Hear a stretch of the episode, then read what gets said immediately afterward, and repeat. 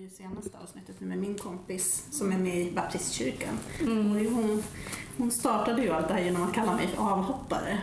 Vilket ju blev krock liksom mellan oss. Att, Jaha, men hur ska jag förhålla mig till det här? Mm. Liksom. Och sen så, så hade vi ett avslut, avsnitt, det sista avsnittet mellan oss. Att vi pratade om hur vi liksom kommer överens och, och kan prata om såna här svåra grejer även om, även om det är känsligt. Mm. Så att Wow. det är jätte...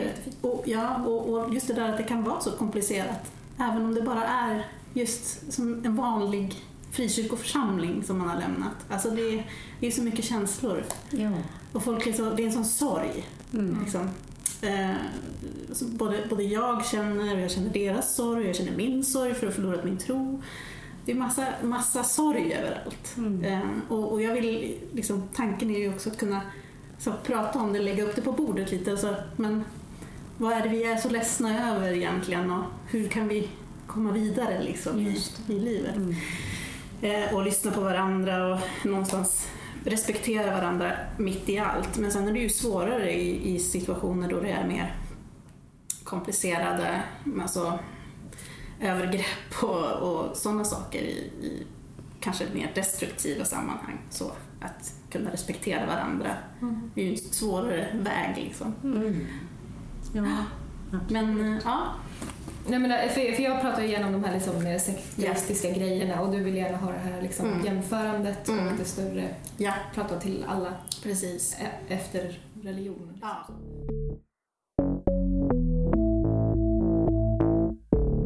Ex, Jesus lever. Dina synder är förlåtna. Ex, Exvangeliet.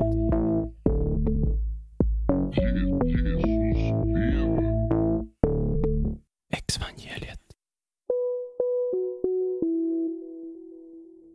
Hallå alla Exvangeliets lyssnare! Hoppas ni har haft en mysig jul och en riktigt bra start på året.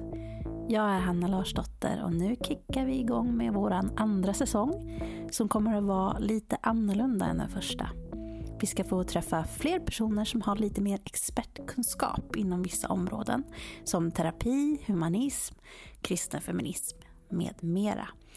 Det här blandat med lite fortsatta personliga berättelser och ett och annat bonusavsnitt som kanske sticker ut lite från vårt huvudtema.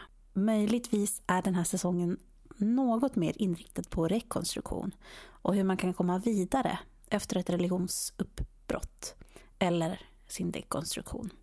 I vårt första avsnitt för säsongen får ni ta del av ett samtal med psykoterapeut och föreläsare Helena Lövgren. Eh, det här samtalet hade jag och Anna med henne i hennes fina och vackra mottagning på Södermalm i Stockholm. Helena skriver själv, citat, jag brinner för att skapa en större förståelse för hur vi människor påverkar varandra på gott och ont. Och när påverkan blir otillbörlig och manipulativ. Därför har jag genom åren medverkat i en mängd olika tv-program, tidningsartiklar och radioprogram där påverkan, manipulation och sekterism varit tema. Så idag har vi och ni äran att få lyssna på denna kloka kvinna. Varsågoda. Exvangeliet.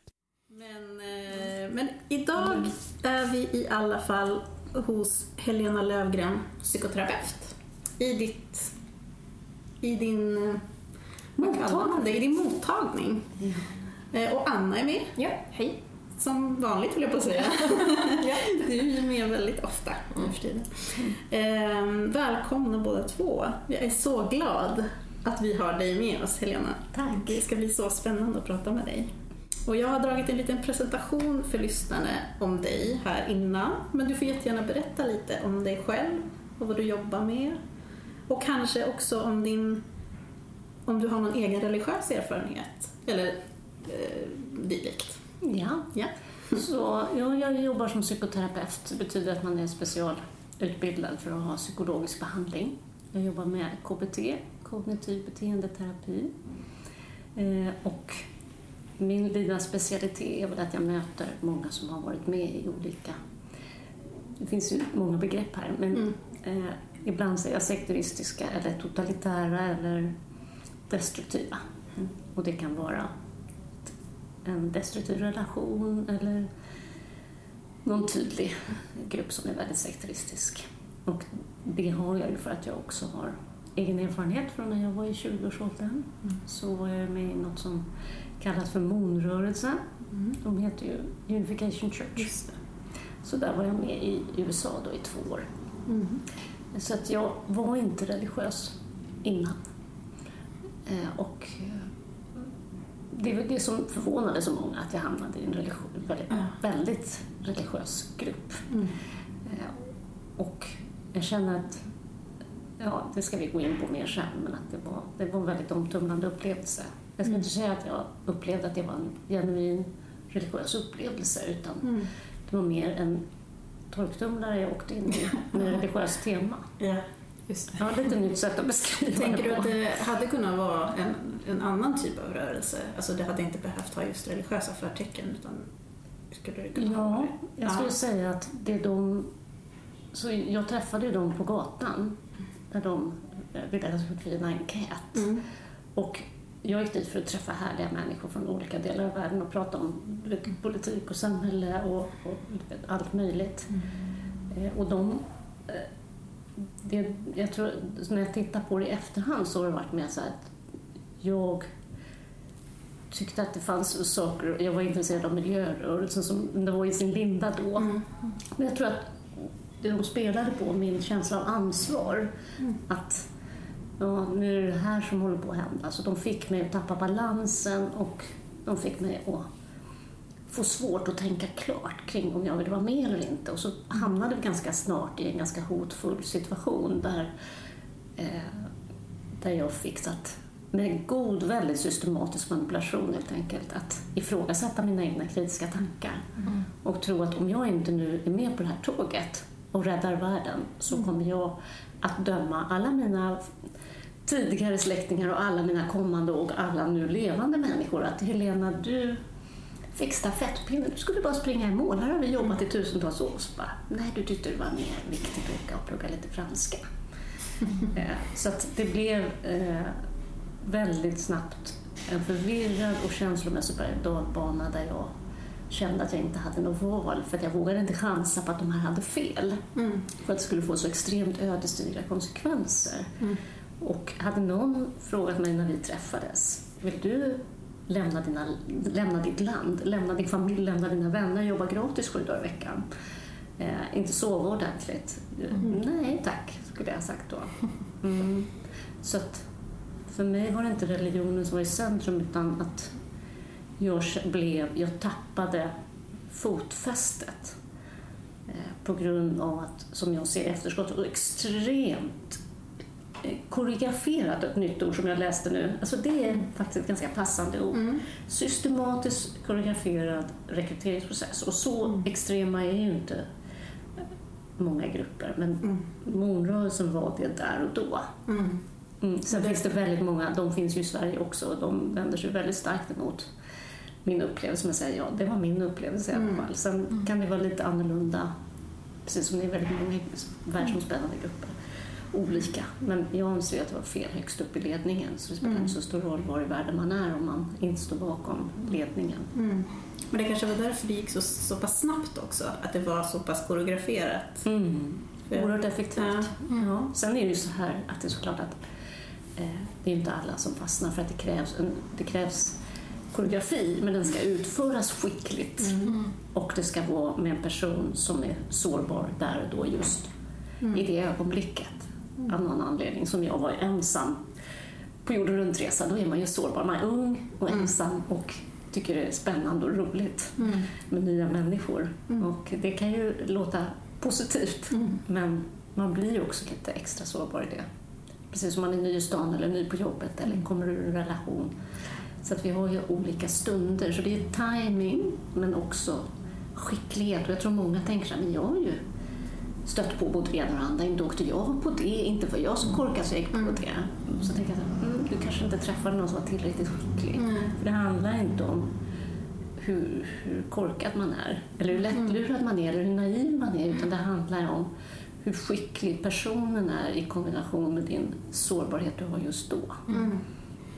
Ja, men det tror jag är en viktig poäng, just det där att vi har ju varit noga med det också, att man inte pratar om, nu har vi pratat mycket om just religiösa, men liksom människor som har en religiös tro, men just det där att man, att man inte pratar om människor som dumma eller korkade, liksom, utan att det, det är inte det det handlar om, Mm. eh, utan någonting, någonting helt annat. Precis, det är människan i kombination med liksom omgivningen så att säga Mm.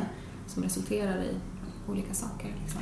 Ja, och, och min käpphäst är ju lite det här med om man ska definiera vad, vad det sekteristiska är så skulle jag säga att kärnan är ju att man inte kan göra fria informerade val. Sen finns det ju forskare som har massa olika försök att fånga in det här extremt komplexa. Precis. Men kärnan är ju att man inte kan göra fria informerade val och det finns olika förklaringsmodeller som vi kanske kan gå in lite grann på. Mm. Hur hamnar man då i, hur, hur kan man komma till en punkt när man inte gör det valet? Precis som en misshandlad kvinna som, som folk tänker, varför gick du inte bara när han slog dig första gången? För att de kanske inte förstår att det finns en förhistoria där man har brutits ner och isolerats och gjorts så sårbar så att man inte förmådde att gå när första smällen kom. Eller tänk på liksom, det andra aspektet, att vara född i Nordkorea. Det, det rår man ju inte för. Man rår inte för om man är uppväxt i vilken grupp som helst. Och då har man ju inte heller valt och man kan inte på något sätt skydda sig mot den påverkan som socialisering i allmänhet liksom innebär.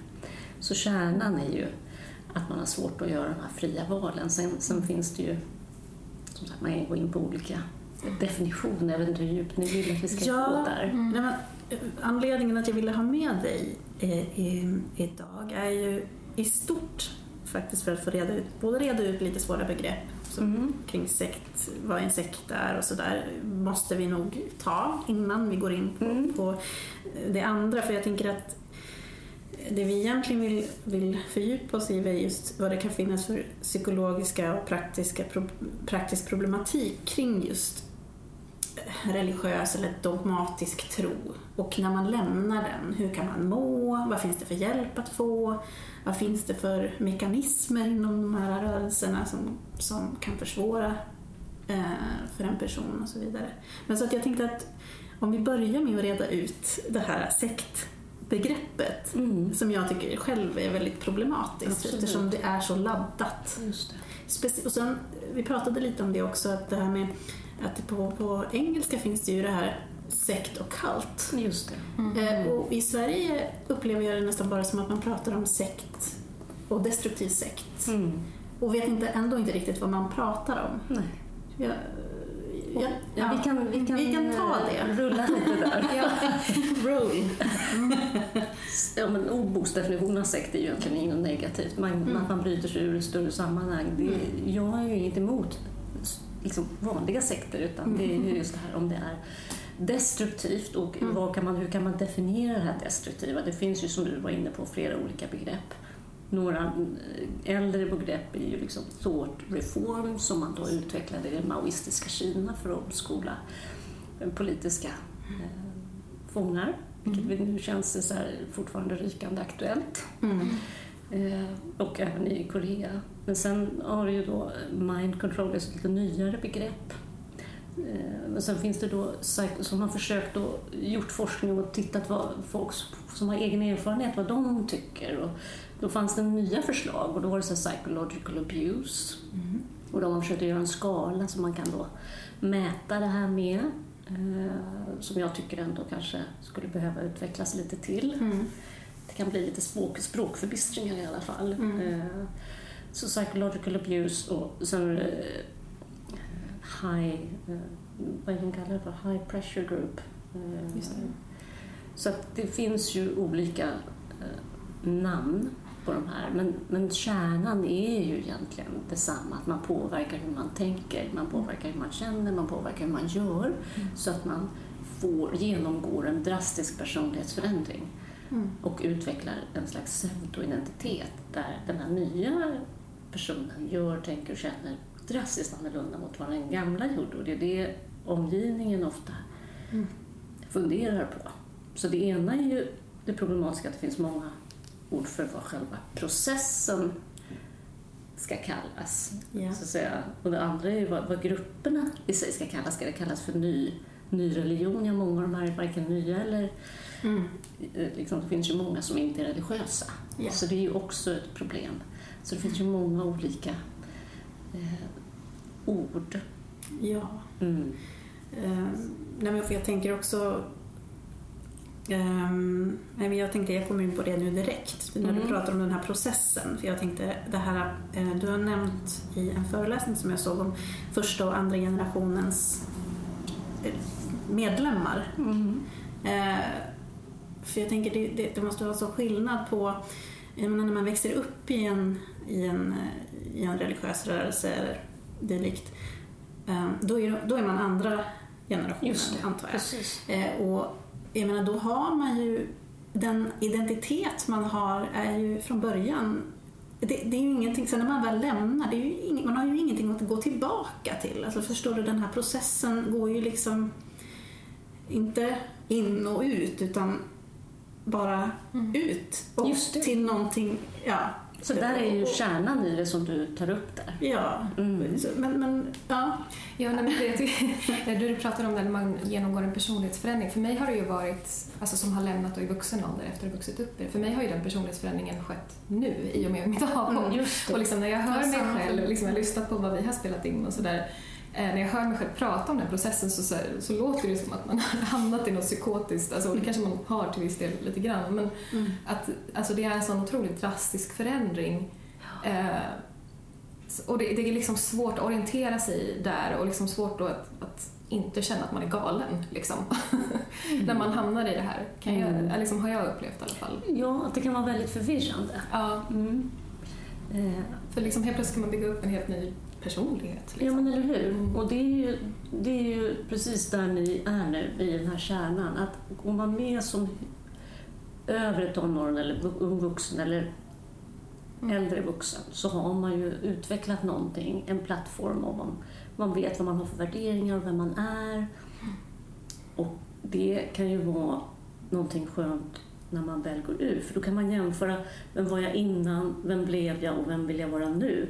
Så det är också en massa sorteringsarbete, för man har ju fått med sig bra saker också. Mm. Så det är ju som att städa i Absolut. garderoben, men det är ju jobbigt. Mm. Men som du är inne på, om man har vuxit upp så är det så här, ja, men jag hade ingen ursprungsidentitet. utan är min ursprungsidentitet den så kallade sektidentiteten? Eller har jag någon genuin identitet alls? Och man då, nu, nu rör vi oss mer i det här extrema där, Mm.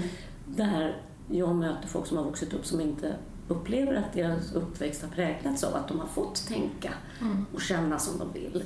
För att man hamnar i helvetet när man tänker fel tankar och då har man inte ens vågat att tänka fritt. Och om man inte kan tänka fritt så är det ju svårt att fundera på vill jag vara med eller inte, eller vem är jag? Mm. Får jag tycka om den här sortens musik eller får jag känna så här? Får jag ha en avvikande sexuell läggning? Alltså det finns ju fundamentala saker som man då inte får utforska. Mm. Och då har man ju inte kunnat skapa och utveckla sin identitet. Så det är ju det som jag möter med andra generationer, att de undrar så här, vem är jag? Mm. Och det är ju ett jättearbete, för då ska man börja från början. Då har du inte det här förarbetet, Mm. utan man ska gå igenom det. Och sen så har man kanske en massa tonårsgrejer som man inte fick göra, som man har jättelust att göra när man är 25. Mm. Ja, oh ja. Och det, det är också jobbigt. Jag har så mycket att ta Vi tonåringar på nytt faktiskt Ja. kan jag känna. Ja, jag känt att jag är småbarn på mitt i vissa Ja, Det sammanhang. kanske man behöver Ja. få vara, för det går liksom... eh, Det är ju skönare att få leka runt vid 25 än, än vid 50. Mm. Att få känna att liksom, ja men jag har en massa oklart. Mm. Så att det är, och sen om man då dessförutom den här bristande känslan av vem är jag, dessutom har en hel del psykologiska, lite kraftigare övergrepp, så har man ju kanske vad jag kallar för relationstrauman. Alltså, till skillnad från en enskild, att jag blev överfallen eller våldtagen, så är det en enskild händelse som är fruktansvärd i sig. Men relationstrauma är ju någonting som sträcker sig över väldigt lång tid, som påverkar hela min tillit till mig själv och till andra i grunden. Mm. Eh, Så att det är ju extremt smärtsamt och svårt och tar lång tid att läka och bearbeta. Mm. När jag läste amerikanska liksom, artiklar om psykologi och sådär så skiljer de av inom PTSD och CPTSD. Är det begrepp som man använder här i Sverige? Ja, den det- det stora skillnaden om det är att PTSD är ju en diagnos. Mm. Komplex PTSD finns ju inte med i diagnosmanualen. Mm, för jag tänkte det lät lite som det där relationstrauma som du Ja, pratade precis. Det är ju vad man kallar för ursäkta, eh, komplex PTSD. om. Ja, okej. Mm. Så man tänker att det är typ samma? Man ska inte sätta bullen i halsen. eh, jo, så att det, det är precis så. Mm. Att, och det, även om det inte är en, en diagnos så är det en hjälpfull, hjälpfull sätt att se på det för att man förstår att det handlar då inte... För att uppfylla PTSD-kriterier ska du ju varit med om någon nära döden upplevelse så att säga. Här är ju med att ja, men om jag känner att jag skulle hamna i helvetet så är ju det en nära döden upplevelse Ja. på sitt sätt men som kanske man inte tänker på när man sätter en diagnos. Mm. Eh, Men, men relationstraumat är ju viktigt att tänka kring för att då kan man också förstå, som jag tror skulle vara fint att kunna få berätta om hur beter sig ledare? Mm. De här männen som förtrycker kvinnor eller kvinnor som förtrycker män i, i parrelationer. Eller det här. För att hur, hur blir man utsatt för det här långvariga, komplexa i de mer extrema sammanhangen då? Mm. Så den förklaringsmodellen kan man se som överlappar varandra ganska mycket. Det ena är ju att se vem är det som, vem är det som startar och bygger en sån här mer extremt systematiskt manipulativ grupp. Eh, och då, det ena varianten är att tänka att det är en narcissist. Eh, och det finns ju olika bilder av narcissisten. Den ena är den här uppblåsta och den andra är den här lite fragile, som man säger, liksom den lite sköra narcissisten. Mm. Och, och där kan man ju se att ja, man har... Var kommer de ifrån? Ja, de kommer ju ifrån någonstans ifrån där de har vuxit upp i sin tur. För varför blir man narcissistisk? Sen kan man ju titta på biologi och, och psykopati och massa gener och så. Men, men om man bara tar den här... Om man växer upp i en miljö där din sårbarhet och din självständighet och alla de här sakerna inte är okej. Där Den förälder som är narcissistisk säger här, mina känslor och tankar är giltiga. Du är, du är, inte, du är liksom bara egoistisk och du ska komma här och tycka synd om dig själv eller att du har någonting. Det är ju mina behov som är de viktiga. Mm. Och det blir ju väldigt problematiskt att växa upp med att jag räknas inte, jag är inte viktig. Mm. Jag finns bara till som publik eller för, som någon statist i ditt liv. Mm. Det, det skapar ju ett sätt så här, hur ska man som barn överleva en sån miljö? Mm. Ja, det är ju att underkasta sig, att idealisera den här personen och sen så småningom växa upp och, sen kanske anta förälderns roll i förhållande till Just andra. Så har man, då, då, då går ju det Mm. från en generation till nästa. Mm. Eh, Men jag tycker, så det är ju liksom den här narcissist eh, förklaringsmodellen som överlappar rätt mycket med förklaringsmodellen om, om eh, den här desorganiserade anknytningen som också finns i två varianter. Med den här aggressiva utåtriktade eller den här som är mer introverta. Mm.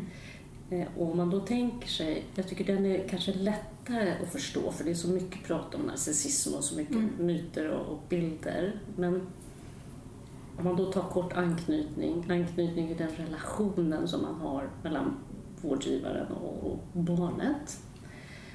Och där behöver man i varje möte under en lång tid märka att okej, du, du tar hand om mig, du skyddar mig, du tröstar mig, du tycker om mig.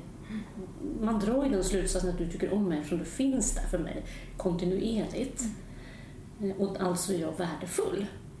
Men om du inte finns där kontinuerligt så kan man få, om man säger då, en otrygg anknytning som man kan ha olika profil på. Men det är ju om föräldern kanske inte finns där så bra som barnet behöver.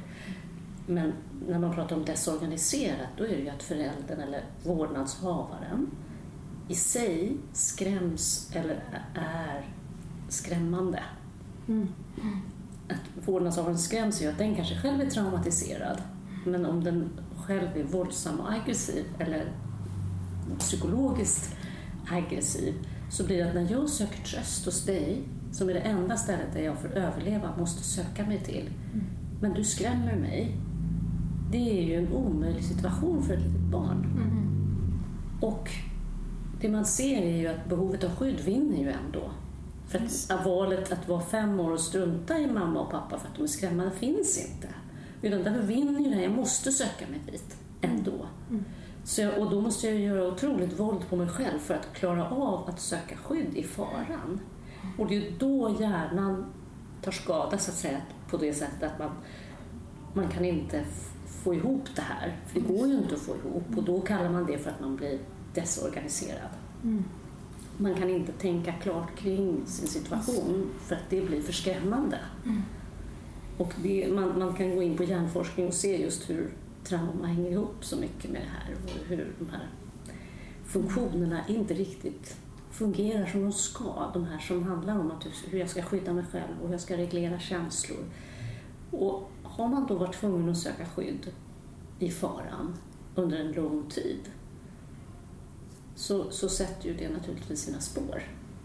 I tillit till att det finns andra som kan vilja mig väl och att inte förstå sig själv.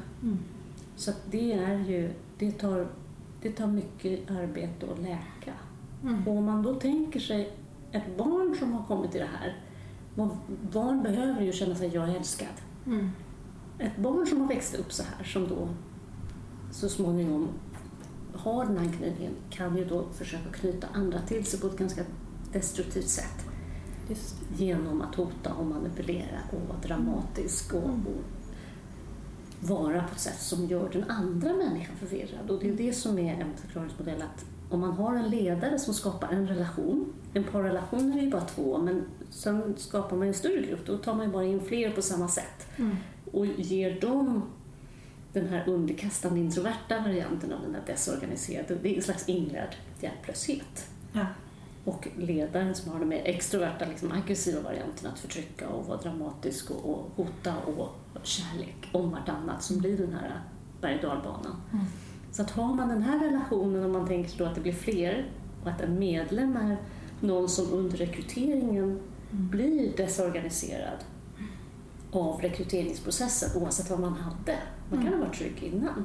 Men rekryteringsprocessen har gjort en desorganiserad vilket gör att jag kan inte tänka klart kring gruppen och kring min situation. Utan jag är bara rädd och försöker bli trygg. Mitt trygghetssystem, när, jag, när anknytningssystemet sätter igång, det är ju för att jag ska söka trygghet så att rädslosystemet ska kunna stängas av. Men eftersom jag söker skydd i faran så stängs det ju aldrig av. Så att man fortsätter bara söka skydd i faran hela tiden och då vidmakthålls ju det här systemet. Så att Det blir som ett virus nästan. Ja, Eller liksom- det blir en ond cirkel Ja. som är självförstärkande. Just det. Mm. Eh, Jag tänkte också på det här med... eh, Jag läste, läste någon artikel, någon som hade hoppat av Jehovas vittnen som pratade om att hon hade läst så många historier från avhoppare när de liksom hela tiden försöker så här, jo men det var ju ändå bra, eller så här, man försöker ändå så här, se på sin religiösa grupp eller sitt trosystem som man hade som att jo men det här var ju faktiskt fint och det här var ju faktiskt, alltså så att man måste hela tiden bortförklara. Eh, och hon pratade om det då, den här artikelförfattaren, som att det började bli ett tecken för henne på den här destruktiviteten. Att man liksom, om man tittar då på vad, sin upplevelse eller det här Eh, gruppen, eller liksom, ja, men kanske 80 procent det är fint och bra, man har gemenskap, man har kärlek, man har ett syfte i livet, allt vad det är. Men sen så har man de här sista procenten som är liksom destruktiva, där du måste göra avkall på dig själv eller du liksom måste betala pengar eller du är inte fri och, och sådär. Um, och så liksom, någonstans så måste man börja se så här att de där sista 20 procenten rättfärdigar inte, eller liksom de 80 procenten rättfärdigar inte de 20 procenten som du gör avkall på hela tiden. Att det är liksom, det är det som är det informerade valet. Ja. Att belysa både det fina och det dåliga. mm, Men jag, för att spinna vidare på det du säger så kan jag möta folk som kommer till mig. De mår dåligt och vill ha hjälp. Men de förmår nästan inte att säga mm, att något var dåligt. För Nej. det är den här skulden och skammen och rädslan som blir så här, ja, det var inte riktigt bra. Och så tar de sig för munnen så här. mm. Att, så får man ju inte säga. Ja, för då förråder man det här som var bra på Ja, något sätt. Eller? och, och det är ju det är där som är så viktigt att inte vara svartvit. Att det, kan fin, det får finnas och det är viktigt att ta vara på att det faktiskt har varit bra saker. Mm. För men ingen människa skulle ju liksom vara i ett sammanhang som är 100% dåligt. Mm. För då fanns det ju inget gott. precis som vi pratade om det här kärlek och hot. Är det bara hot så är det ju bara att fly. Liksom, då, då finns det ju ingenting som är limmet så att säga. Och då blir det inte samma förvirring om det är renodlat ondska och elakheter. Så det, sorteringsarbetet är ju det man behöver göra på egen hand eller om det är svårt att göra i terapi. Att se, okej det här var bra, det här var inte bra, det här vet jag inte. Och göra ett nytt bokslut. Vad tycker jag då? Om jag lägger ut alla de här bitarna och jämför. Och viktar kanske, som, som du är inne på. att ja, för jag menar, vi hade ju gemenskap, säger jag med citationstecken, i, i månrörelsen, men den var ju mer som att vi är tillsammans på en öde ö. Det, inte- det var ju inte vänskap, för den fick ju inte förekomma. För att vi skulle ju bara ha relation uppåt, rena stuprörskanaler så att säga. Okej. Så man vände sig till sin ledare om man hade tvivel eller någonting annat. Man fick inte läcka på den. Och det är ju, så är det ju mer eller mindre i de här mer destruktiva sammanhangen. Att det finns inte, och det är ju, det är ju ett tecken på att det inte är sunt när man inte får uttrycka tvivel eller dela det med andra i gruppen eller utanför gruppen. Jag har hört om avhoppare från mormonkyrkan också som har blivit tillsagda just av sina ledare liksom att de inte får prata om sina tvivel med sin fru eller man. Eller liksom, att det, doubt your doubts, säger de också. Ja, det, det är tvivel. Alltså det, jag har svårt för det ordet. Det triggar mig. Ja, Men, ska vi säga så här att man, man kan upptäcka, tycker jag, att det här är bra. ja, Ett ifrågasättande och ett hälsosamt kritiskt tänkande. Och att det är viktigt att få ha det. Och om det inte tål, jag brukar säga så här, om det inte tål granskning, är det bra då? Men jag tänkte på det här som du sa om att man inte vågar säga att någonting har varit dåligt utan att man måste, fast det var ju bra. Det var ju så mycket som var bra. Det, det är ju, om jag då ska prata utifrån den, den, det hållet som jag kommer ifrån upplever jag ju att det är väldigt mycket så att ja men, fri, frikyrkan eller ja, om man tänker pingst eller ish så, så är ju det så pass vanligt. Eh, eh, om man tittar ofta på andra rörelser som är värre, som är riktiga sekter då, som man pratar om rent slarvigt liksom. Eh, och, så, och så hamnar man jättelätt i det där jag får ju inte känna de här jobbiga känslorna om jag har lämnat en, en fri kyrka. Därför att det är inte så farligt som att vara med i en destruktiv sekt. Eller, jag förstår vad jag menar?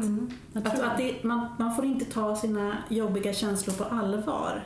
Och ofta just att man, att man nej men alltså egentligen har jag ju haft det jättebra. Alltså jag är ju jättenöjd och, och sådär och, och det har ju varit fi- fint och sådär. Men, men sen är det ju saker som känns jobbiga också. Men det var inte så farligt. Alltså det där hela tiden märker jag. Och det, det är säkert också i, i, eh, i andra typer av rörelser också. Liknande mekanism. Men just det där att man hamnar i ett, i ett läge där ingen tycker egentligen att det är så farligt att vara med i en frikyrka. Så att då är det inte så farligt att lämna. Det blir liksom som ett dolt ett väldigt dolt problem och många går runt och mår väldigt dåligt och har ingen att prata med för att det finns liksom ingen som tror att man mår dåligt av att lämna en, frikyrka. Eh, däremot att lämna en, alltså har man varit med i, man drar de här tunga namnen så här, Jehovas vittnen eller sånt där så är det liksom direkt att ja oj, nej men oj. Liksom. Att det är allmänt Då är det liksom, ja, då, och då är det mer legitimt. Exvangeliet. Jo, du säger ju här att det finns en... Vi har ju önskan om att kategorisera för- saker och ting. Och att man kategoriserar om det är sekt eller inte sekt så missar man ju alla de här som kan vara väldigt svåra att vara i. Mm. Och jag tycker att jag möter ju människor som har varit med i pingst som har varit väldigt illa. Mm. Minst lika illa som människor som då kommer i vad man tycker är, borde vara tydligare. Men, men det subtila är ju ibland svårare att se, svårare att sortera och svårare att, att utvärdera och kritisera. För då måste man gå ner på repliknivå, på små interaktionsnivåer. Ja, men det här gav ju det här. Så att, för att är det så här, ja, jag blev slagen, det är ju stort och tydligt. Men det här lilla, att lite, det här, vilket, vilken blick man fick och hur det var och att nej, det var inte okej. Eh, och- så att det kan vara svårt. Det kan vara lika illa men svårare att ha varit med i något som är till synes, skulle jag säga, mindre destruktivt. Så det Det är är... olika, olika typer av svårigheter kanske. Jag blir alldeles eh, emotionell när du säger sådär. För att det är just den där frustrationen som jag har märkt från så många som har just samma Mm. Och det, bakgrund ja, som det mig. Det, jag också. Att, Ja. va? Men det är väl inget att, att gnälla över? Nej, det är klaga. Du har väl kommit in Mm. tacka vet jag. ja, Någonting annat. precis. Ja. Men det är viktigt att, att ha alla de perspektiven tycker jag. Och just ehm, när man har familj och vänner som är kvar eh, som fortfarande tycker att det här är bra. Liksom. Så här, hur, ska man stå, liksom, hur ska man för dem förklara vad det är, de här små sakerna som man liksom knappt har fingret på själv. Liksom. Det kan ju bli jättelurigt. Alltså. Mm. Och speciellt om man också kommer, kanske då har vi ju fått höra från flera lyssnare och så, som har varit hos kanske en psykolog eller något sånt där som inte heller förstår eh, problemen som kan uppstå i, i rörelser och så utan så bara, ah, men religion är inget farligt, det kan ju vara stödjande för en person. Det kan vara bra att ha en gud att be till ibland. Så, Ja. ja, man förstår inte problem, problematiken som kan uppstå. Mm. Det är många som har berättat. Att, Mm. Ja, för jag tänker så här, skulle man, om man, jag tycker att vi pratar så lite om att religion och sex i terapi, att det, det är också en del av livet som är rätt viktiga att belysa. Och istället för att säga, ta för givet att det är på ett visst sätt, så, så bör man ju som psykolog och psykoterapeut vara, ha ett utforskande förhållningssätt och säga, jaha, har du varit med där? Ja, hur var det för dig? Ja. Att höra sig för lite. Hur var det? Ja, det var bra. Och jag kan ju sitta med liknande sammanhang som inte alls har med religion eller sekter att göra utan man har vuxit upp och idealiserat sina föräldrar. Och säger jag har haft en jättebra barndom och så gör de skattningar på anknytningar och så, allt ser så fint ut och så ser jag så att det skaver någonstans. För du beter dig inte alls som att du är tryggt anknuten. Och så får man gräva lite och fundera lite. Ja, och så brukar det ju visa sig att ja, men det var ju en massa saker som inte var så trygga och som har gjort att den här personen inte alls är tryggt anknuten. Och så sen när de börjar liksom ta upp och, och systematiserat gå igenom så här, ja men det, det var ju faktiskt inte alls bara bra när jag var liten. Det fanns ju saker som var väldigt svåra och jobbiga och som gjorde att det var svårt för mig eh, att känna mig värdefull. Mm. Och det behöver inte vara ett hot utan det kan vara så här, så här ska vi vara för att duga för så här beter sig mamma och pappa för att duga. Och alls förstår jag utan att någon säger det till mig att det är så här jag måste vara för att duga. Och det är ju någonting som man inte tycker att man har sagt till ett barn men man visar det ju på andra sätt. Och så är det ju i alla möjliga gruppsammanhang, att gruppdynamik. Och jag tror att när man går i terapi så ser man ju ofta det individualpsykologiska och ibland kanske tittar mindre på det socialpsykologiska som ändå är det som händer i sammanhangen och hur man påverkas av då, att det finns så många olika processer. Mm. Vi ser ju bara hur svårt det är att vara visselblåsare. Mm. Och det är inte lätt för då man ska vara lojal ju en fin Mm. värde och så känner man sig illojal eller känner sig tråkig och negativ om man säger emot och då är det sådana här värderingar. Och där finns det ju rätt mycket att göra i rätt många organisationer och att skapa högt i tak på riktigt och inte bara ha fina värdeord. Mm.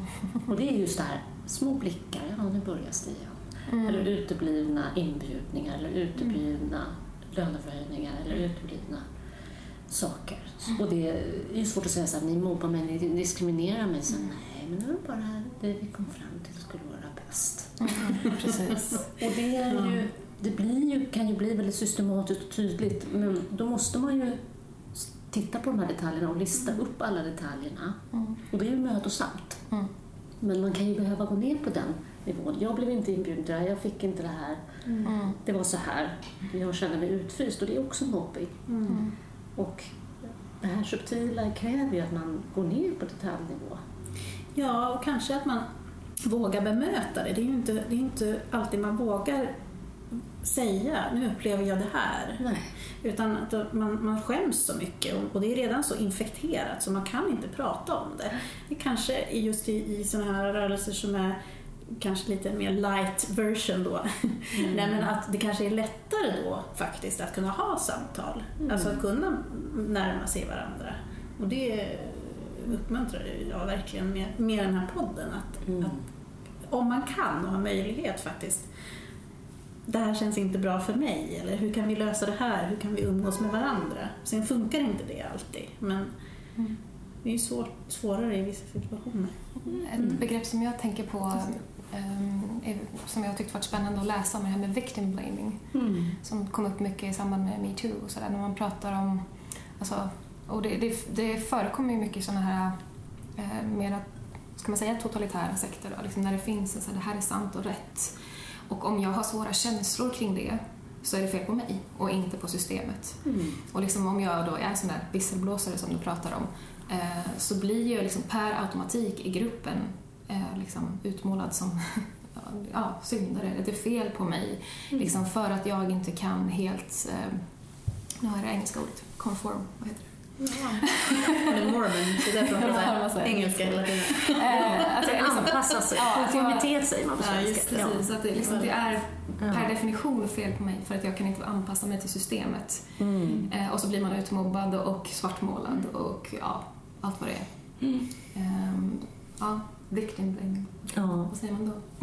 Nej, skylla På offret skulle jag bara säga på vanlig svenska. Vad sa du? Skylla på offret helt enkelt. Ja. Det gör man ju, alltså det har vi ju haft på samhällsnivå. Vi tittar på hur vi har bemött människor som har varit utsatta för sexuella övergrepp. Mm. Att offret får frågor om sina trosor och sexvanor. Vilket det blir fel fokus. Man fokuserar på offret och vad är det för fel på dig och varför Mm. sa du inte nej och varför har du såna här sexvanor? Istället för att se på förövaren. Ja, Och nu Mm. finns det ju försök att lägga, förskjuta fokus till förövaren. Så har du sett till att du fick Mm. ett ja. Och det är inte helt annat. Och som du säger att det är så lätt att hamna där. Mm. Att det är, och det är ju det som jag tycker är en del av det här teck, osunda tecken som jag kallar för lite sekteristiskt. Det är att det är inte fel om man då har en diskussion och ledaren har, om vi då tar de religiösa, där det är det apostoliska, där ledaren får tilltala Gud, så blir det ju ohyggligt. Det är ju en sårbarhet som kräver extremt mycket arbete för att motverka någonting. Om man har en sån, en sån liksom ideologi så kräver ju det extremt mycket för att den ska bli sekteristisk skulle jag säga. För att då är det så här, jag har rätt och du har fel. Och om inte Gud har talat till dig, vem har talat till dig? Ja, då blir det lätt att tänka att det är då onda andar eller djävulen eller någonting annat. Så om jag har någon annan åsikt än Gud så är det naturligtvis fel. Mm. Och då måste ju jag rätta mig och se över mitt hjärta och min tro och mina tvivel för att det finns ju redan ett facit. Så det här som jag menar är, i religiösa så är det tilltala Gud. Och är det något annat så är det Mao som är liksom den store ledaren eller någon annan som har en särskild gåva som gör att jag är bättre skickad Mm. att göra bedömningen om vad som är rätt och fel än dig. Mm. Och att just att vi alla har rätt att tycka och tänka vad vi vill, den är ju eh, fundamental. Precis. Det vill säga kanske tankefrihet och yttrandefrihet, religionsfrihet Ja, ja. helt enkelt. Men det är det som är svårt att leva upp till. Och jag skulle säga att det är en, oerhörd utmaning att leva upp till det.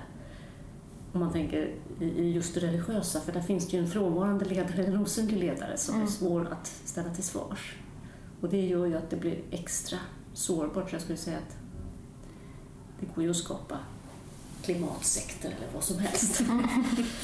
Eh, Men det blir en extra sårbarhet i och med att det finns det här osynliga Mm. ledarskapet som någon hävdar, att jag har kontakt med högsta chefen. Mm. Ja, Mm. det osynliga är ju svårt att Mm. säga emot. Mm. Och just det där om man redan är, om man redan har en, in, en tanke om att en, en ledare har en, en direkt kontakt med Gud. Mm. Um, alltså det kan ju vara, jag tänker också att det inte alltid behöver vara alltså i, i mindre, kanske sekteristiska, usch det är så svårt med de här begreppen.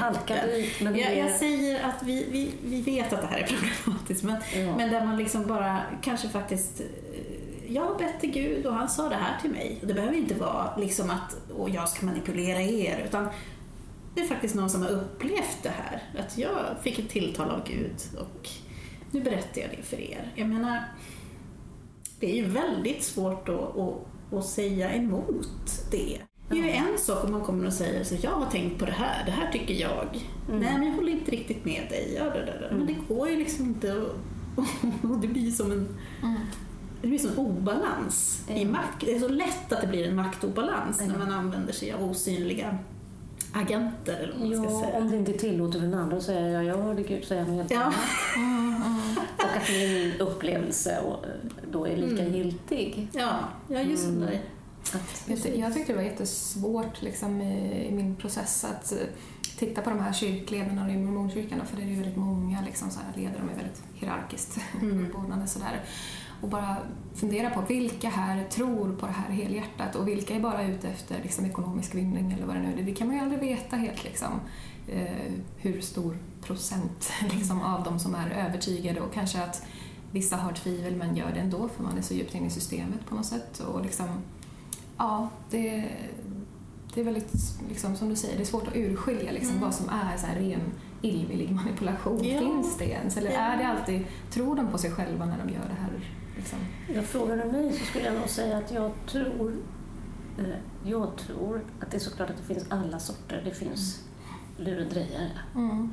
som, som är kallt medvetna om vad de gör. Men jag, jag skulle nog, om du, jag skulle gissa, min, min kvalificerade bedömning utan att kunna ta tillgång till Mm. deras huvuden är att, eh, att de tror på det själva. Mm. Men, men det är precis som du såg i den här dokumentären om Knutby, Mm. att hennes man, när hon, Åsa Wall då uttryckte tvivel, så berättar hennes man då att han i Uppdrag granskning så berättar han att det var han som uppmuntrade henne att, att tro på sig själv igen. Mm. Mm. Så att jag tror också att många ledare i allmänhet tror sig ha den här gåvan. Och tittar man på olika eh, livsberättelser från olika så kallade gurus Mm. så ser man ju att de ofta har gått igenom en svår period Mm.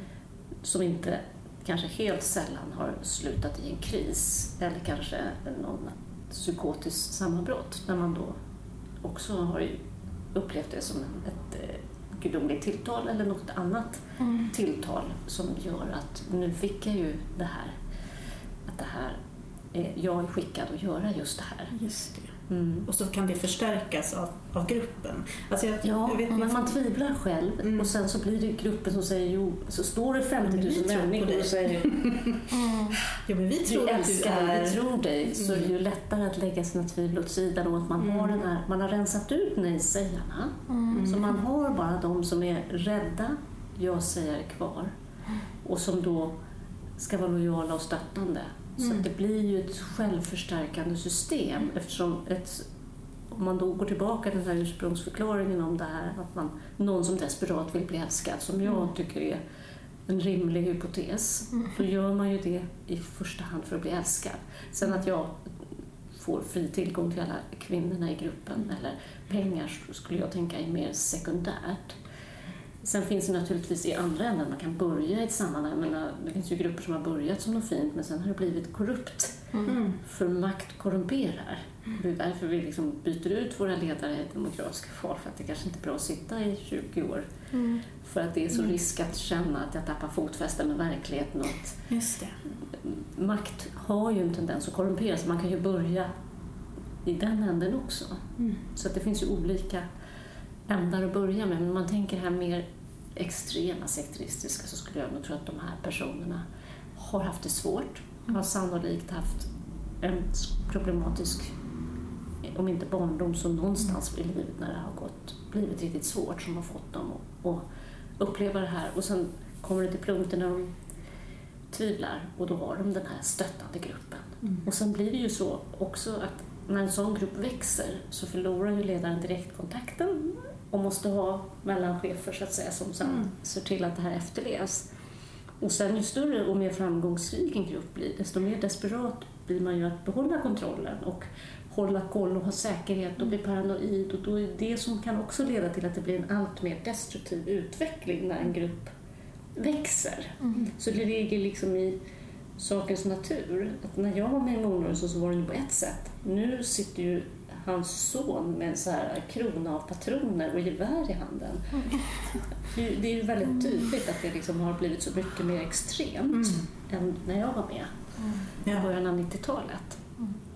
Så att eh, det är en väldig dynamik.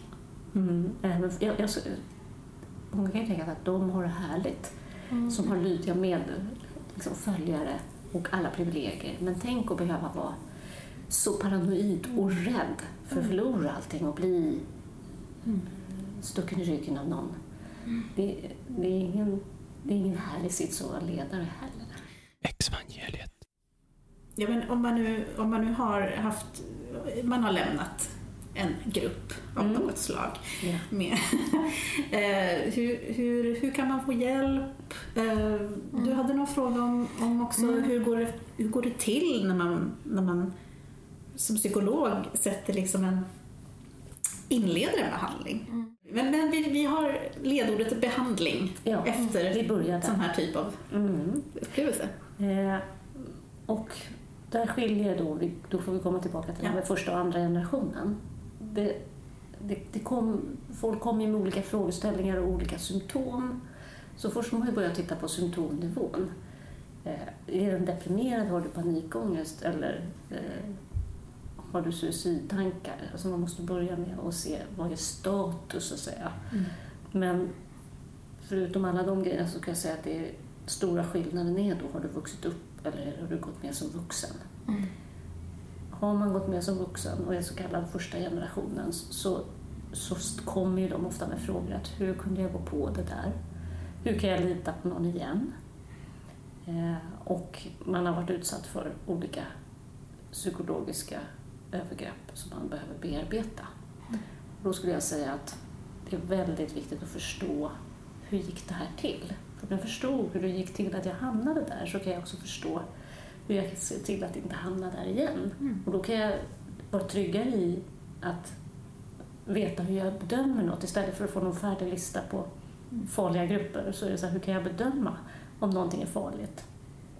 Så att förstå dels det här socialpsykologiska brukar jag ge lite hem, liksom att man får läsa någonting beroende på vilket skick man är i. Man får liksom ta de här, liksom, som vi kallar för psykoedukation, ett fint ord. Att man får lära sig saker, precis som om man har med panikångest, så man lär sig vad det är och sen lägger man upp en plan. Och kommer man som första generationen så behöver man ju lära sig en hel del om vad social psykologi, som lite basala saker om hur det funkar och hur man påverkas. Och sen lägga pusslet och se hur matchade det här med din situation när du mötte de här. Hur gick rekryteringen eller mötet till och vilken, vilken situation var du i då? Vad var det som attraherade? Fick du det? Och vad hände i rekryteringsprocessen som gjorde då att du tappade fotfästet och inte kunde göra det här fria, informerade valet?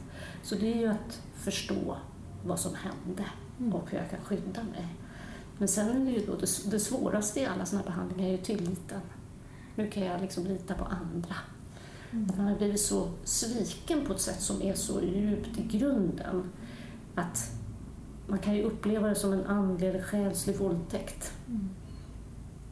Och det är det som är så djupt smärtsamt. Och att jag också del, blev deltagare i det. Det är ju det som är så fruktansvärt smärtsamt. Att eftersom man då kommer i en sån här grupp och blir nedbruten så, så, så tar man ju tacksamt emot de fina råd man får. Istället för att säga nej, jag tänker inte ta kalla duschar för att någon tittade på mig med fel ögon. Så säger man tack för att jag får rena mig. Så att man, man fås ju att bli en medförövare mot sig själv. Så att det inte bara att man har råkat ut för en naturkatastrof, för det är mycket lättare att liksom, det blir inte personligt. Man är med i, i Ja, man i fås processen. Att bli med i processen. Ja. Så att det är ju oerhört smärtsamt. Eh, Så att, så att, säga att man delar in det grovt i att liksom förstå det psykologiska och förstå min resa.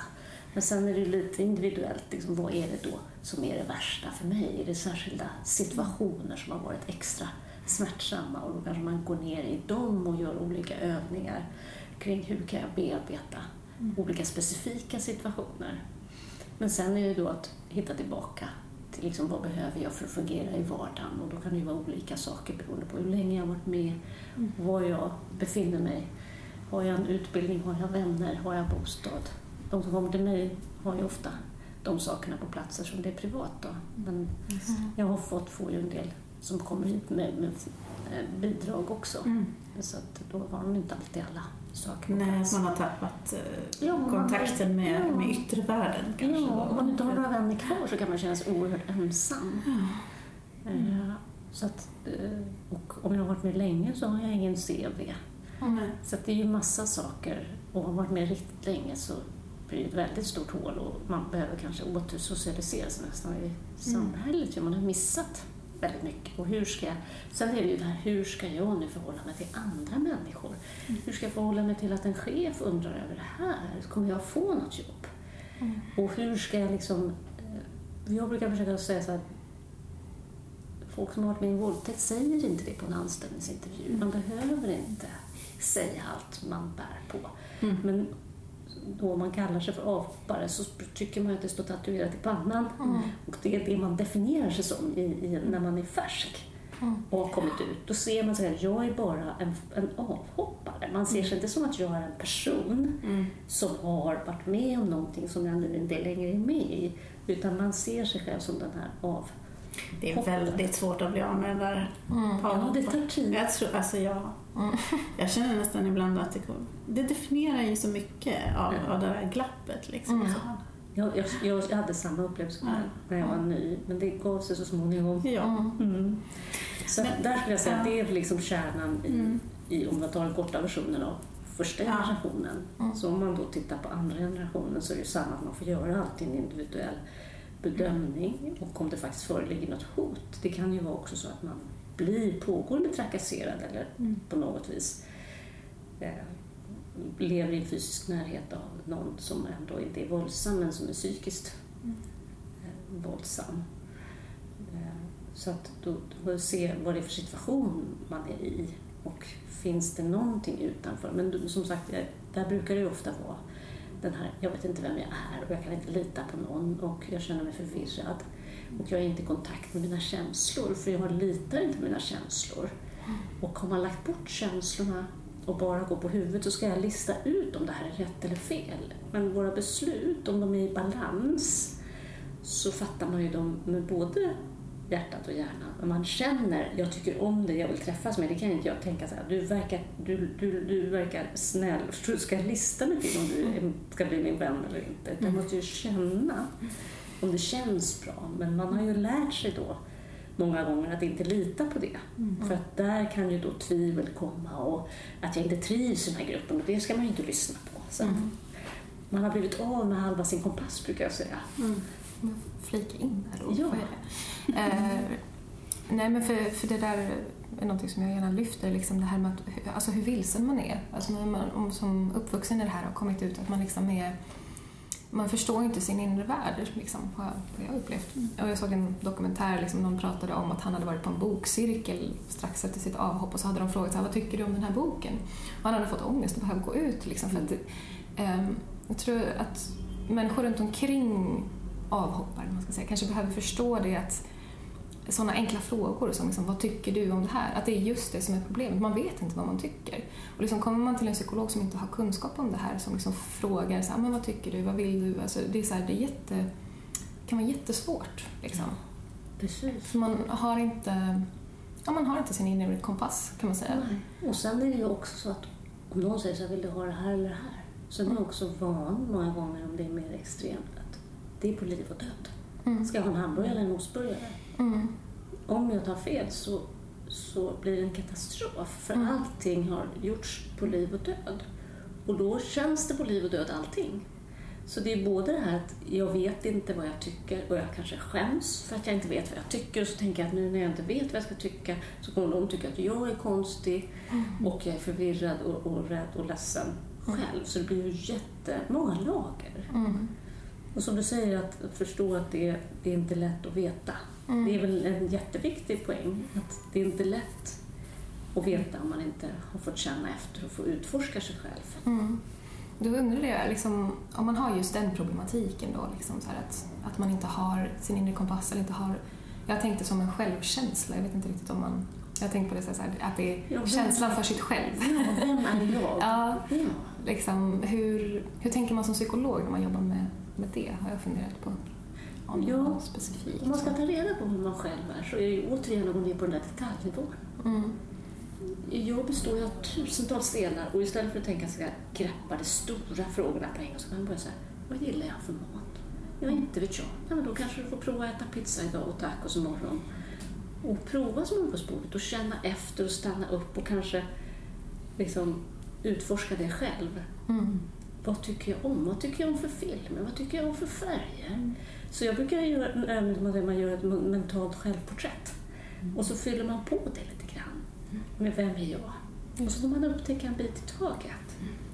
Och se vad det är. Och sen behöver man också träna sig att känna.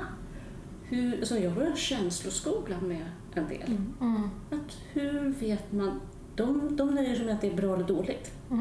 Det känns inte bra eller så känns det dåligt. Och då säger så här, det känns dåligt. Ja, okej, då är vi överens om att det känns dåligt. På vilket sätt känns det dåligt? Var sitter den? Var känner du det i kroppen? Mm. Och så försöker vi då utforska vilken känsla det är. Och så får man liksom ha, undervisa, precis som man gör med små barn egentligen från början. Du ser ledsen ut, är du ledsen? Och så ja men det, nu ler ja men det var väl roligt. Alltså man talar om vad känslan heter, man talar om och förstärker hur, det, hur, hur ser ett glatt och rätt ansikte ut, hur känns det när man är arg i kroppen. Och att förstå, jaha, när jag sitter på bokcirkeln och inte vet vad är det jag känner då? Ja, jag kanske känner att axlarna drar upp så att jag vill liksom bara luta mig tillbaka. Ja, det låter ju som rädsla. Mm. Eller vill jag sänka huvudet och bara försvinna ner i jorden? Ja, det låter ju som skam. Mm. Så kanske jag både vill fly och skämmas och, och hoppa ner i ett litet hål någonstans. Ja, och då får man tänka, då får man ju säga okej, jag var rädd. Och så tittar vi, okej, vad var du rädd för? Vad är det, vad är det som skulle kunna hända? Mm. Och så får man verklighetstesta då. Ja, hur sannolikt är det att alla tycker att du är helt knäpp som inte vet vad du tyckte om boken? Och vad i så fall kan man göra om det skulle vara så? Vill jag ens vara med i en sån bokcirkel? Eller vad kan jag svara? Mm. Om jag känner så, skulle jag kunna säga så här, ja, jag är inte van, jag, jag vet faktiskt inte än. Jag måste få sova på saken. Mm. Så dels är det att förstå både känslan, förstå tanken och sen verklighetstesta den. Och sen också färdighetsträning i hur man sätter en gräns, hur man kommunicerar och säger nej tack. Mm. Eller jag vill inte svara på det just nu.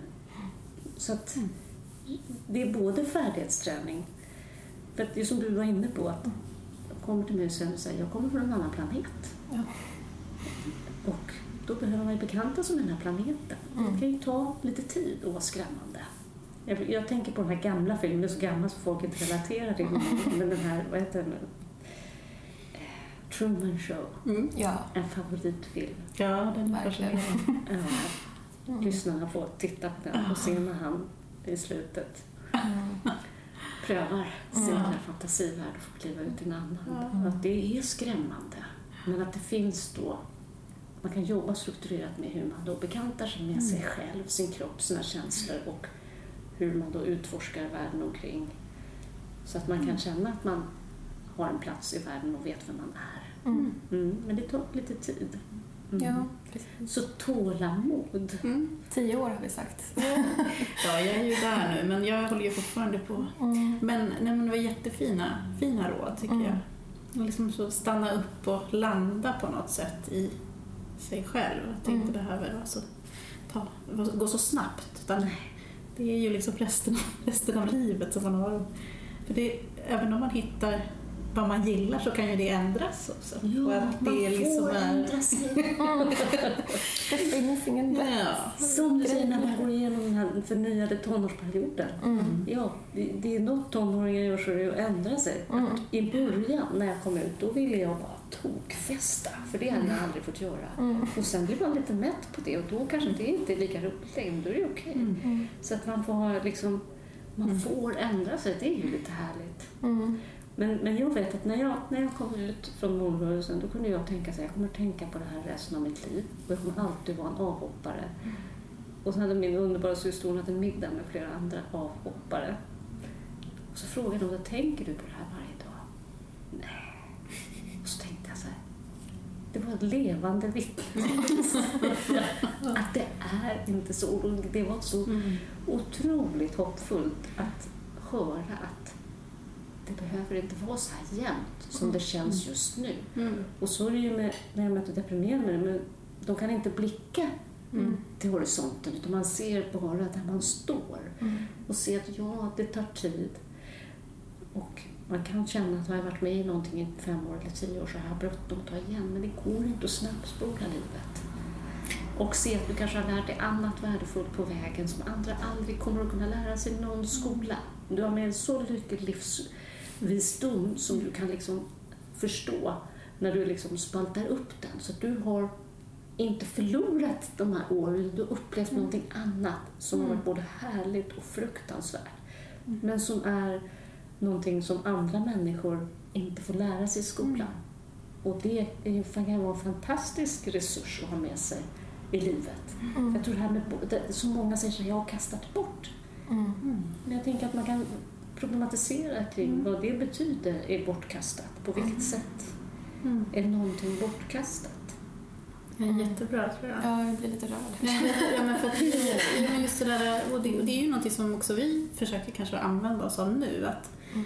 någonstans att, ja men hur kan vi prata med varandra om den här erfarenheten? För det är ju också en erfarenhet som är, inte alla har och inte alla heller kan prata om. Så det, är ju, det är ju en möjlighet också att kunna, Mm. och som sagt, det har ju varit mycket bra saker också med ens upplevelser och det är ju jätteviktigt att prata Ja, om också. Men, jag tyckte det var svårt, det därför du sa i något avsnitt det där med att liksom, ja, men vi fick ut något fint utav det. mm.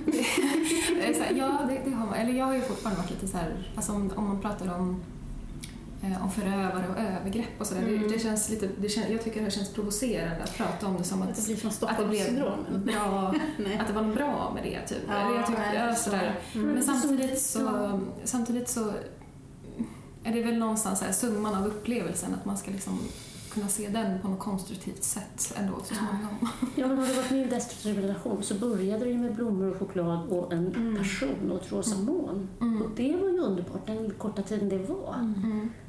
Men sen hände någonting dåligt. Och Ja. ofta så är det ju, om man går med som vuxen, så är det ju ofta en otrolig smekmånad i början som många kallar för lovebombing. Just Som det. är något underbart. Men sen att det byggde på en, liksom, falska grunder, det är ju, eller något destruktivt, så är ju det... Det fanns ett svartmoln i horisonten, men det såg rosa ut då. Mm. Mm. Så att jag förstår att det, det är det här med orden igen. Och det är också någonting man får prata mycket om i terapi. Att vara varsam med orden och att var och en kan tolka ord Mm. och bli provocerad och triggad av vissa ord och andra blir triggad av andra. Och så får man utforska vad betyder det här ordet för mig Mm. och vilket ord vill jag använda? Men jag tänker också att man går igenom, alltså, man, man kanske går igenom olika perioder efter att man har lämnat. Alltså, man får vara arg en period, man får vara ledsen en period, man får, vara, liksom, man får ha de här känslorna att du Man får, vara, och du får känna så, Anna. Nej, men du får vara arg, du får bli provocerad när jag säger så. Eh, Det är ju liksom, Ja. och vi har ju olika upplevelser också, men också att, att det är viktigt att man får gå igenom de här olika perioderna också. Det, det är okej.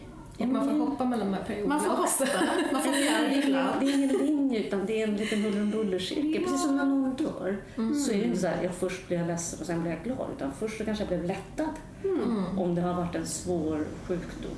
Och, och sen blev jag förbannad för att du dog. Och, och sen blev jag glad och så skämdes jag att jag är glad när du precis har dött. Mm.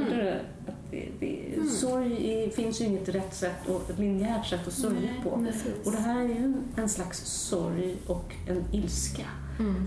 Och det är ju inte ovanligt att man kan känna sig alla möjliga känslor, huller om buller, i många olika varv Mm. av bearbetning. Exvangeliet.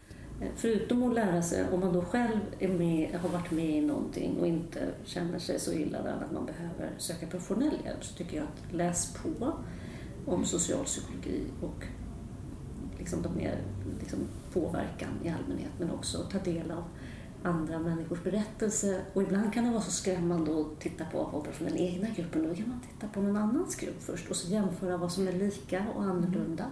Och sen kan man då, när man känner att man orkar, titta på berättelser om det är en så pass stor grupp att det finns andra före detta medlemmar. Det är inte alla grupper som är så stora. Eh, Så att, att ta del av det och jämföra är ju också en del av en sortering som man kan göra. Jättebra. Precis, ja för det är någon, någonting vi har pratat lite om det där med att gå från det här svartvita tänkandet liksom, som ofta finns, att det, är så här, det här är rätt och det här är fel, men liksom man kommer ut i det här samhället så det, liksom, det, är ju, det finns ju inte svartvitt, det är ju en hel färgskala med liksom alla ljusa färger och liksom, alltså, ehm, det är väldigt mycket mer att orientera sig i. Ja. Liksom. komplicerat Ja. och nyanserat. Ja. ja, svåra.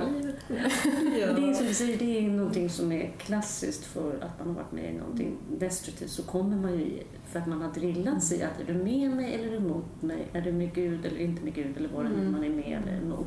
Mm. Så det är ju en del av den här destruktiva rekryteringsprocessen att ta bort nyanserna och göra det till enkla klyschor. Mm. Och det här laddade språket som jag tror också är viktigt när man pratar om behandling, att förstå vilka ord som triggar och vad som är ett språkbruk man har haft.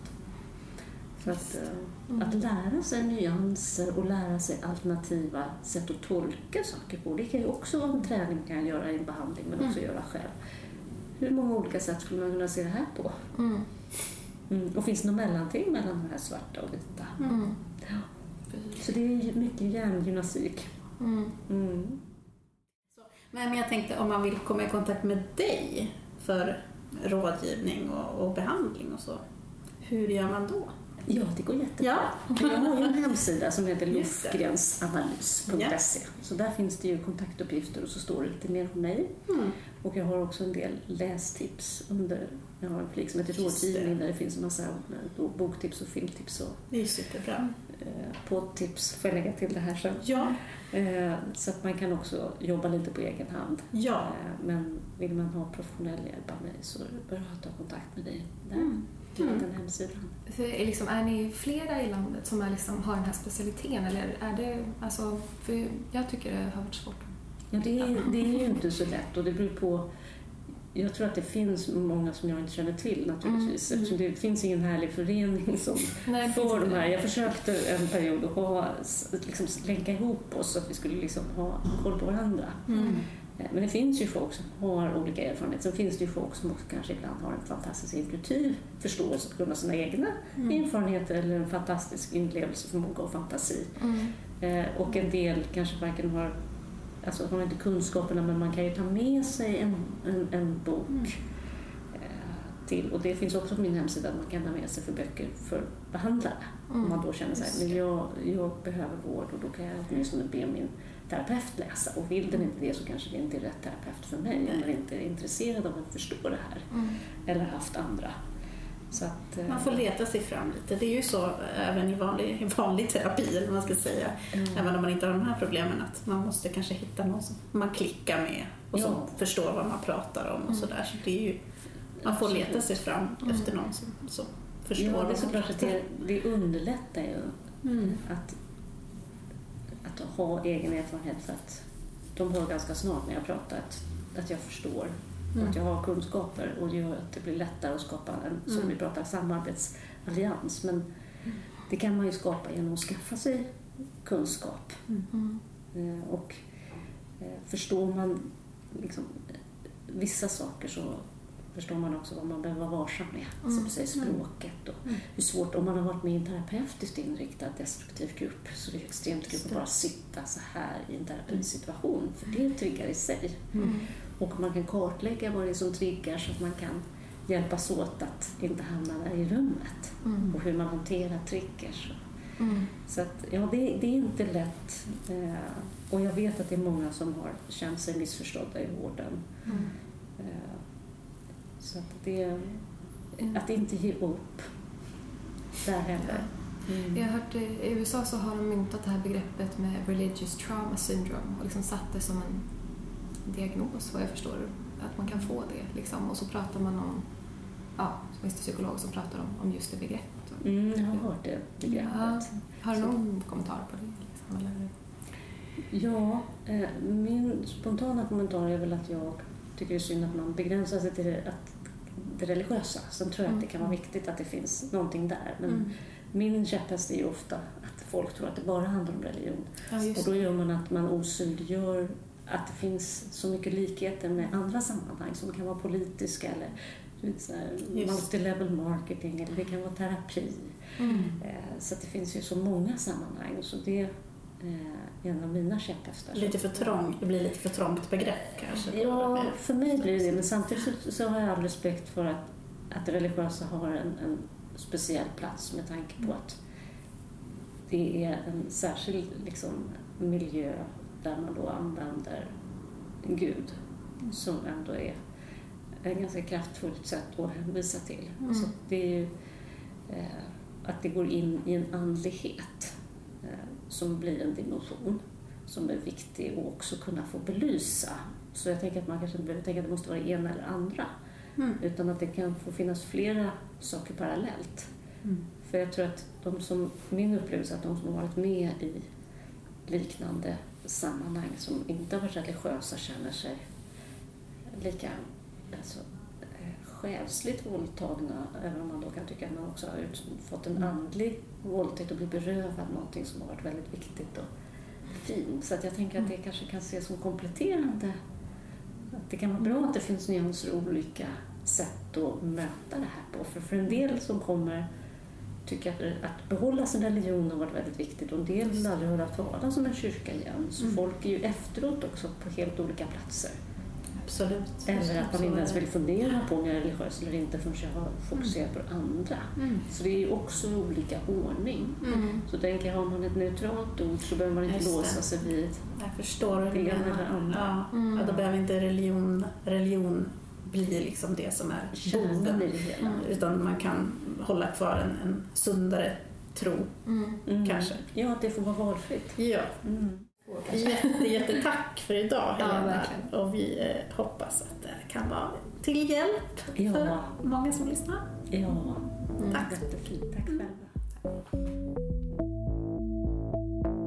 Tack så mycket för idag. Om ni vill komma i kontakt med Helena så finns kontaktuppgifter på hennes hemsida www.lofgrensanalys.se. Där finns också länkar till föreläsningar och tips på böcker om sekter, manipulation och liknande. Jag vill också passa på att tipsa om att jag ska delta i Humanisternas filosofikafé den 30 januari i Stockholm.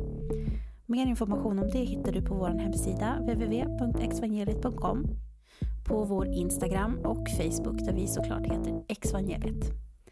Tipsa gärna andra om podden till nästa gång, var inte rädd för att söka hjälp. Glöm inte att andas. Och evangeliet är som vanligt de glada nyheterna för dig som lämnat tron. Hej då! Exvangeliet.